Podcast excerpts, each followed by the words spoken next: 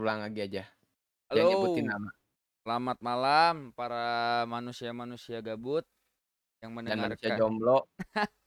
yang mendengarkan podcast ini. Kali ini gua bakal mungkin bisa dibilang gua balik lagi ke podcast untuk ngisi waktu luang gua, bahkan bukan waktu luang jatuhnya, gua ngisi biar gua tuh ada kerjaan aja. Karena gua setelah lulus ng- bingung mau ngapain karena penjurusan kuliah gua tuh tidak ada penjurusan umum kuliah. Ya Dan intinya lu pengangguran aja karena lu nah, pengangguran aja. Jadi lu bikin podcast ini gitu. iya betul. Seperti yang udah kalian dengar nih, gua nggak sendirian di baliknya gua ke podcast. Gua ditemenin sama Saika, teman online gua salah satunya Yap. Yang bakal nemenin gua ngebahas satu tema Hmm. di mana tema ini yang tadinya gua nggak bakal percaya sih sama bakal gua ngalamin ini. Cuman pada akhirnya gua sadar akan ada saatnya, akan ada fasenya lu bakal ngalamin kejadian ini, yaitu quarter life crisis. Nah, gue mau bahas tema ini bareng bareng Saika untuk coba Hmm. Bang sih. Mana nih pendapat lo? Ada di fase quarter life crisis ini yang gue udah baca-baca sih quarter life crisis ini kebanyakan nyerang usia 20-an. At Oh. least lu masih ada di fase kuliah semester tengah ke atas mungkin kan? 4 ke atas atau 65 ke atas Yap. yang juga lu ngalamin struggle di mana lu setelah lulus mau ngapain dan itu juga menurut gua suatu tekanan tekanan sama diri lu sendiri jadi menurut lu gimana saya kak tentang yang lu tahu deh soal quarter life crisis ini Quarter life crisis itu kalau kita bedah secara terminologi atau bahasa ya guys, anjing. anjay Eh, eh, bentar, gue lupa anjing. Quarter life dan crisis anjing. Eh, quartal itu kan seperempat. Seperempat nah hidup. Life itu kehidupan, berarti kan seperempat kehidupan. kan Krisis itu krisis, krisis permasalahan dalam hidup lah ya. i Permasalahan dalam hidup. Jadi permasalahan permas intinya quarter life crisis itu yang gua tahu ya, permasalahan-permasalahan dalam hidup yang muncul ketika memasuki eh, fase kehidupan di mana umur lu tuh seperempat abad lah, sebenarnya 20 tahunan gitu. 20 tahunan, 21, 22, 23, 24 lah masih. Atau mungkin eh, dari 18 bisa. udah 18 Itu mungkin udah dia ngalamin ya quarter life ya crisis ini ya Itu biasanya kebanyakan sebenarnya krisis identitas sih. Dia bingung mau jadi apa, bingung gua tuh siapa. Kayak diri gua sekarang gua bingung, gua tuh siapa coba. Gua iya ingin sih jadi YouTube, gua ingin jadi YouTuber nggak bakat. Ingin oh jadi VTuber, gua cowok gitu dan nggak nggak banyak yang nonton gitu kalau VTuber cowok tuh beda kayak cewek gitu. iya Gua juga sih nggak tahu kenapa. dan Ya, apa jadi ya apa? Menurut gue juga ada benernya juga ketika lu sudah masuk fase usia mungkin 18, 20-an, ada struggle di mana lu bingung harus buat keputusan kayak apa. Kayak lu tadi cerita nih, gue pengen jadi YouTuber, salah nggak ya gua? Gue pengen jadi VTuber, salah nggak ya gua? Sedangkan eh, dari yang lu omongin juga, VTuber cowok sama VTuber cewek dia udah ada bedanya loh. Dan keputusan Mm-mm. yang lu ambil, gua ngambil jadi VTuber cowok bakal banyak yang ngeliat gak ya? Atau gua udah spend untuk beli aplikasinya, softwarenya atau bahkan hardware PC segala macem. Nih gue salah nggak ya ngambil jalan langkah kayak gini ya? Itu salah satu tekanan dalam lu ngambil besar sih quarter life crisis nih.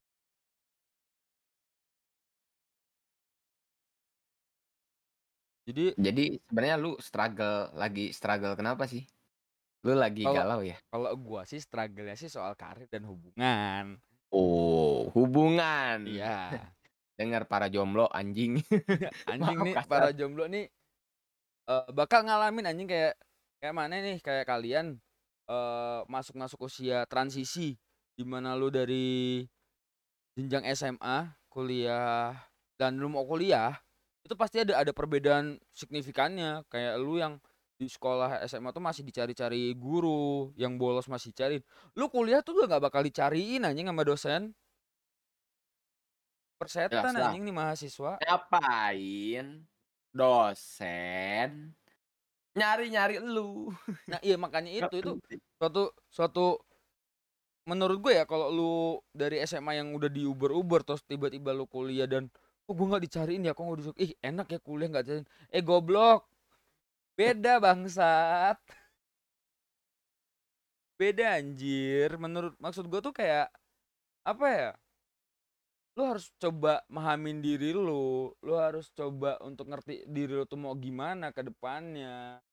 Dan di, lu masuk jenjang usia 20-an lu tuh harus bisa ngebuat keputusan untuk diri lu sendiri lu mau apa lu mau kayak mana?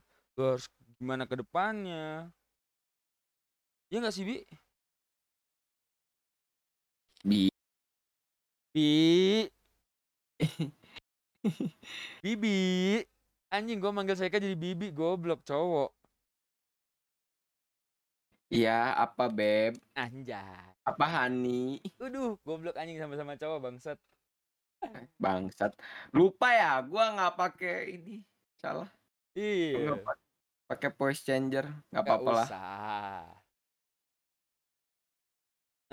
Ketika lo masuk kuartal eh, fase di mana perubahan hidup lu ini atau gua bisa bilang quarter life crisis ini, lu tuh ada sebenarnya lu udah ngalamin, cuman memang lu nggak kerasa aja. Kayak contohnya nih, lu bingung terjebak dalam sebuah kondisi di mana eh ada dua opsi pilihan, nah lu bingung milih nih mau ke A atau ke B. Terus lu nggak bisa merasa puas dengan apa yang lu dapetin, lu masih mau kayaknya gue bisa lebih, kayaknya gue bisa lebih. Sampai akhirnya lu depresi sendiri dengan ekspektasi yang lu pengen dapet. Nih, gua baru baca anjing sebenarnya Apa tuh? tentang quarter life crisis. Suatu periode ketidakpastian dan pencarian jati diri yang dialami individu pada saat mencapai usia pertengahan 20 hingga 30 tahun. Pada periode ini, individu dihantui perasaan takut dan khawatir terhadap satu, masa depannya, relasi, dan kehidupan sosial. Masa depannya ter- eh, termasuk itu dalam hal karir. Misalkan, gue mau jadi apa nih? Kok gue dulu waktu TK gue cita-cita ingin jadi dokter. terus Eh, ini gue cerita aja sedikit ya tentang gue. Gue waktu TK gue tuh ingin jadi dok jadi dokter hewan. ah, Ketika SD ternyata gue menyadari bahwa jadi dokter hewan itu tidak mungkin semulus itu. Jadi gue bercita-cita untuk menjadi seorang ilmuwan. ah. Dan ternyata ilmuwan lebih sulit dari yang gue kira. Ya iyalah mana ada anjing ilmu Ketika ilmuwan gue yang masuk mudah. SMP, ketika Bangsat. gue masuk SMP, gue belajar fisika udah kelabakan, cowok. Ih, Udah bangsat, bangsat. kelabakan. Gue SMP seketika berubah lagi gitu. Apa SMP? di situ masih belum pikir-pikir. SMP gue pikir, ah gue pokoknya mau jadi eh apa namanya pengusaha, menjadi Eh. pengusaha aja. Gue mau jualan. Ya. Ternyata mungkin karena latar belakang keluarga gue itu kebanyakan dari pendidikan. Ketika gue ingin melakukan, em, ingin membuka sebuah usaha itu malah cenderung kayak diremehkan dan tidak disupport.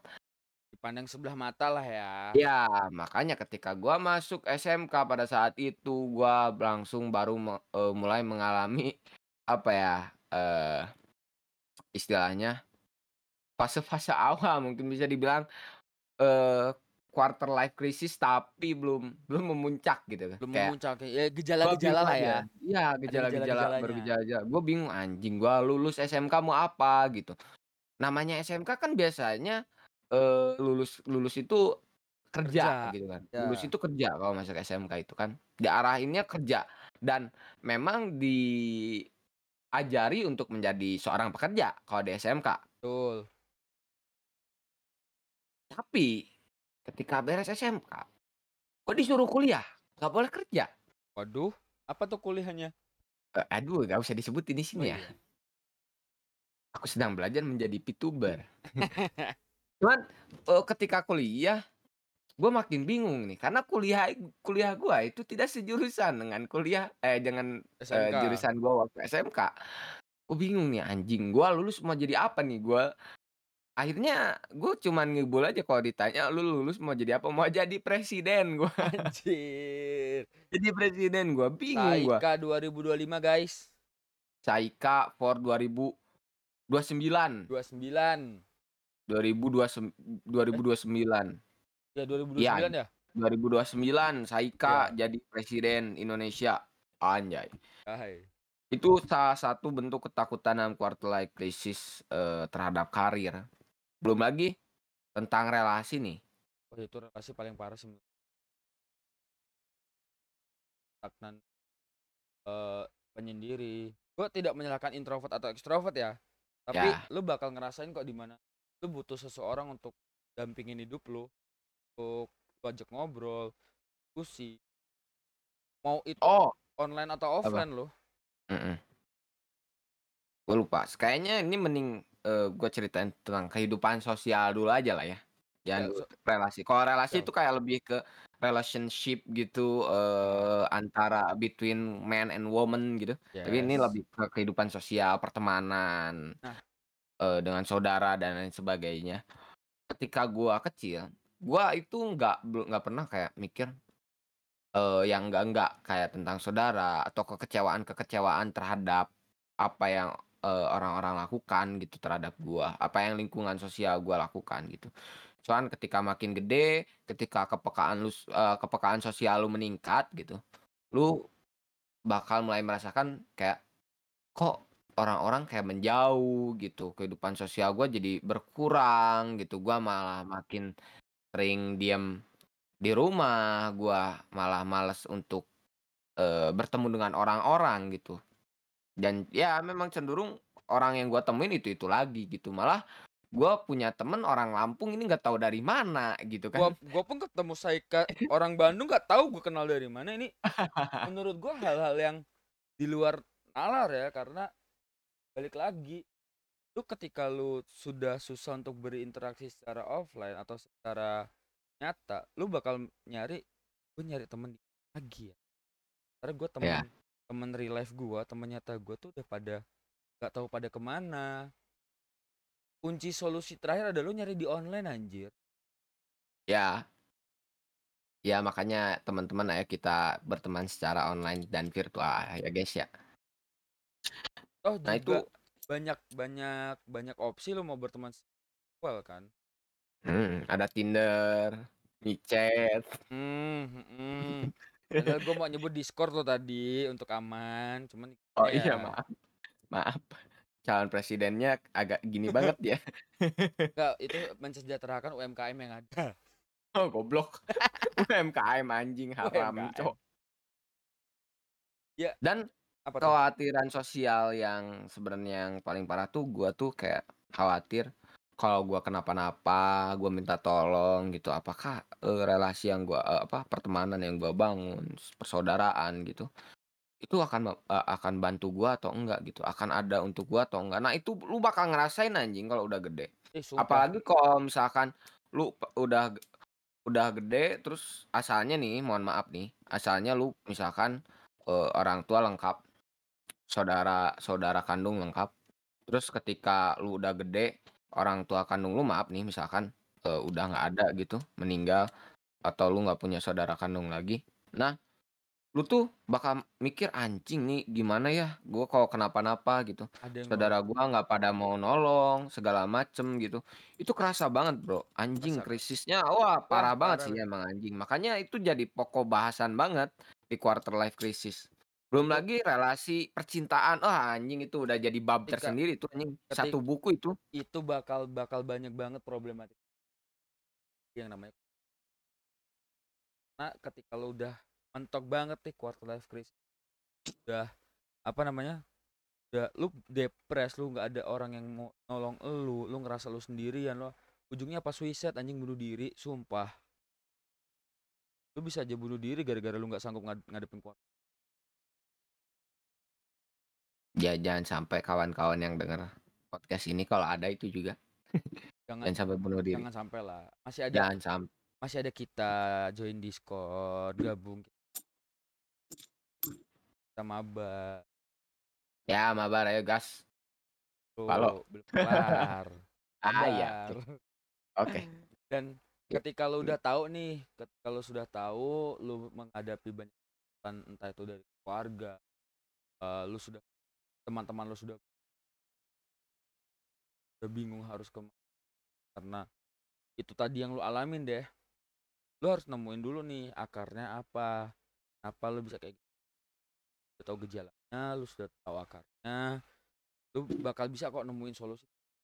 Nah, lu bisa ngat contoh misal, misal contohnya gua gua dari lulus sudah lulus tuh tiga bulan yang lalu dan gue memang lagi struggle struggle-nya ngadepin quarter life crisis ini makanya gua nge- ngebahas di podcast ini. Cara gua untuk ngatasin quarter life crisis ini gua mau ngebuat kesibukan gua tuh sepadat mungkin. Ya entah gua ngobrol ngobrol pun itu menurut gue sudah suatu kesibukan yang mau kurangin quarter life crisis gua. Karena dengan lu ngobrol lu ketemu orang ngobrol random ngurangin beban yang ada di otak lu tau gak sih atau sekedar lu main bareng temen lu mabar main game segala macam lu ada setengah jam lu ngurangin pemikiran lu yang aneh-aneh Intinya jangan sendirilah. jangan Bisa biarin mungkin jangan sendirilah. jangan biarin diri lu tuh sendiri usahain jangan biarin diri lu sendiri kalau ada problem di rumah atau lu sedang tidak mau ke tongkrongan ya lu ke mana ke Indomaret godain mbak Indomaret bisa Eh, what? Ngobrol Hah? sama ngobrol sama mbak mbak Indomaret Oh, bre ngo- ngo- ngobrol sama Michat. mbak mbak? Indo- mbak mbak mbak mbak Indomaret anjir gitu maksud gue tuh masih banyak kok untuk lu tetap bisa ngatasin struggle quarter life crisis ini kayak lu eh bingung lu nggak suka ngobrol atau interaksi sama orang lu nulis lu nulis lu ke warkop kayak ke angkringan kayak tulis gambar atau apa pun itu curahkan semuanya ke dalam apa yang lu pengen curahin ke tulisan kah ke gambar kah ngobrol kah ngobrol sama tukang parkir ngobrol sama orang eh, jaga outlet apalah Ngobrol pokoknya ngobrol ngobrol sama Michat. Hmm, mm-mm, sebut aja terus anjir haram nih Enggak. podcast nih Tapi gini, gini, gini, gini. Gua ada ini cerita real real banget, real banget. Ini Apa tuh? cerita tem teman gua real banget. Temen gua tuh sempet eh, ada yang dia tuh mengalami eh bisa dibilang kegagalan dalam pertemanan, permasalahan dalam pertemanan yang cukup besar gitu. Terus di saat yang bersamaan dia juga punya masalah dalam hubungannya dengan cewek gitu. Ya. Intinya galau parah lah, di stres parah. parah Dan lu tahu apa yang dia lakukan? tuh Dia pesen micet. Dia pergi keluar kota. Hah? Dia main keluar kota. Hah? Dia main keluar kota. terus Dia mesen micet di hotelnya gitu. Di hotelnya dia mesen micet. Dan lu tahu itu mesen pas datang tuh di, cuman diajak ngobrol doang sama dia, diajak curhat. aing Jadi aing dia curhat sama micet, sama, sama cewek dari micet, serius. eh ini mungkin relate ya karena gua gua pun gua pun ini gua pun eh, sempat kepikiran. Gua kan eh, beberapa hari lalu ceritakan sama lo? Ya. kak gua kayaknya udah nggak tahu nih mau ke mana nih. Bete banget gua. Kayak apa gua buka micet terus gua eh, bayar tapi gue cuman mau ngobrol doang. Gue nggak mau aneh-aneh cuma gue mau bayar dia buat jadi kawan ngobrol gue doang. Iya, temen gua banget itu anjing. Mana mang- manggil micetnya tuh nggak nanggung-nanggung bukan yang 300 ribeng, 200 ribeng. 800 ribu cu kali 2 1 juta 600 mampus. maksud gue tapi menurut gue ketika dia melakukan itu nggak salah Nggak salah. nggak salah karena memang jangan biarin diri lu tuh sendirian ketika lu Ya. sudah bosen atau nggak bisa nongkrong sama temen lu nggak sefrekuensi dan mereka nggak nerima pemikiran lu lu bingung harus ke mana ya memang jalan satu-satunya yang di kepikiran pasti kayak gitu Dan itu pun Eee, salah satu mbak-mbak micetnya, Hah? itu dia eee, ikut curhat juga anjing Nah masalah kehidupan dia, cu. itu malah 2 jam kagak ada itu Nggak bersetubuh-bersetubuh nggak ada anjing, ngobrol 2 jam, sumpah. Itu Gila, it 2 malam di hotel nyewa micet 2 kali, diajak ngobrol doang. Itu itu yang menurut gua tuh kayak, eee, tapi dengan dia kayak gitu, dia mentingin kesehatan mental dia juga anjir. Karena dia mencoba untuk relaksasi dengan dia berbagi pemikiran. At least gini, lu bayar micet nih untuk Mhm. ngobrol Mhm. dan si mbak-mbak micetnya, dia ngerasa udah dibayar dan nggak melakukan itu terus ngerasa, "Gua juga butuh temen ngobrol anjing." Iya, karena gini, eee, kayak permasalahan nih, eee, mereka buat orang-orang yang kayak ngejual diri mereka gitu, sebagai jasa, Ah. mohon maaf nih, Ah. PSK gitu. Ya. Mereka nggak mungkin nyurhatin tentang permasalahan mereka ketik eee Ketika mereka kerja. ketika mereka kerja jadi PSK, ke temennya anjing. Iya. nggak akan gitu. Jadi ketika ada kesempatan buat nyerita ke pelanggan, ya dia cerita gitu, dia ikutan Cerita. cerita gitu permasalahan kenapa dia sampai jadi PSK, ya punya permasalahan apa di rumahnya segala macem gitu. Ya, makanya tuh kadang tuh kita tuh melakukan itu bukan untuk negatif, tapi ada positifnya. Karena kita minta bantuan ke saudara, kita nggak dapet.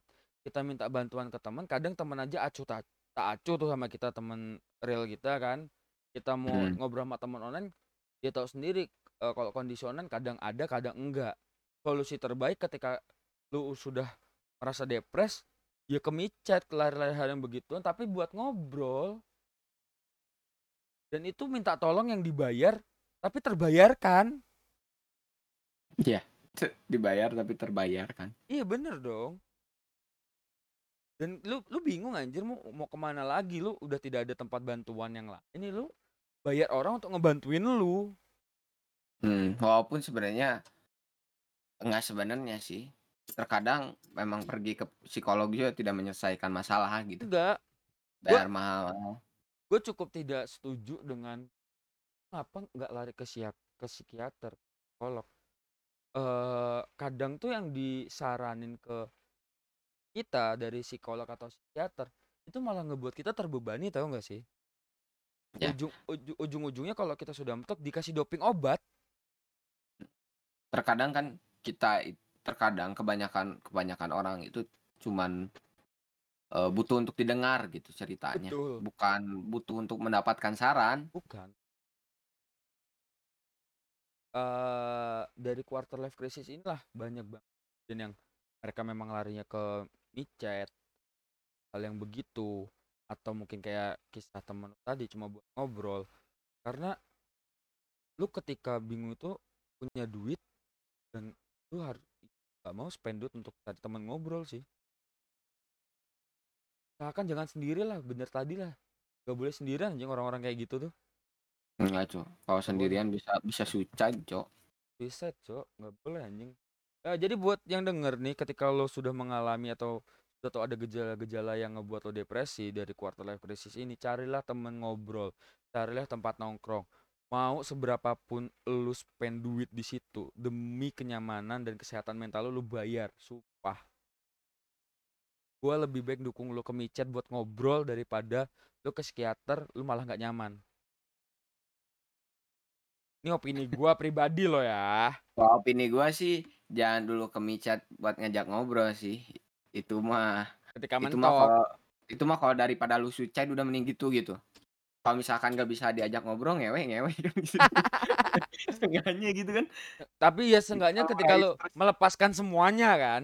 Hmm. Melepaskan melampiaskan semuanya dan lu sudah bayar dan dia dibayar. Sudah ada Iya. kesepakatan kedua belah pihak. Lu nyaman, mental lu mental lu bisa aman dan dia ter terbayarkan jasanya, aman.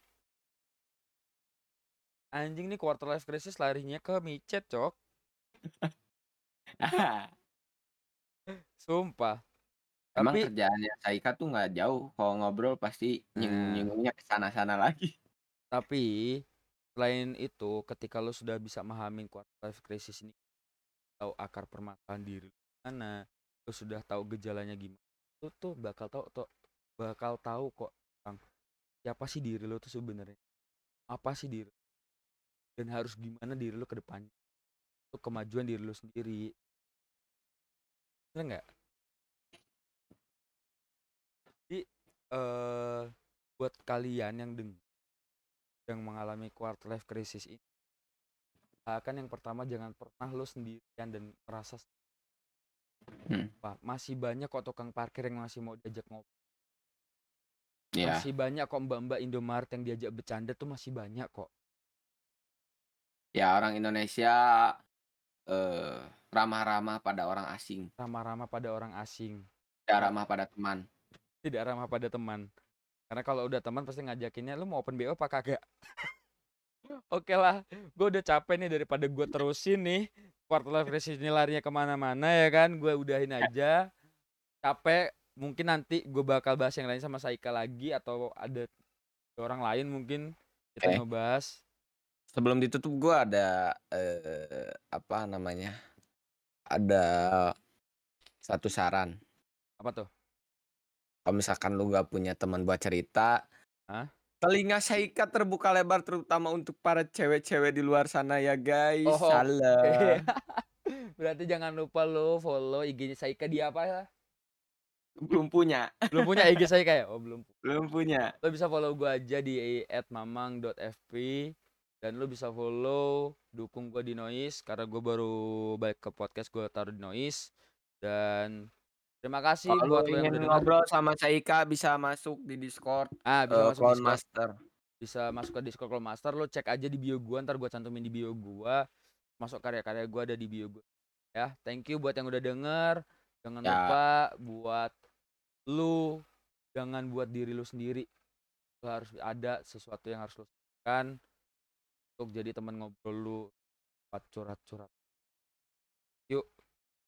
Gua Mamang Gua Saika. undur diri dari podcast pertama kita kembali Eh. lagi. Terima kasih.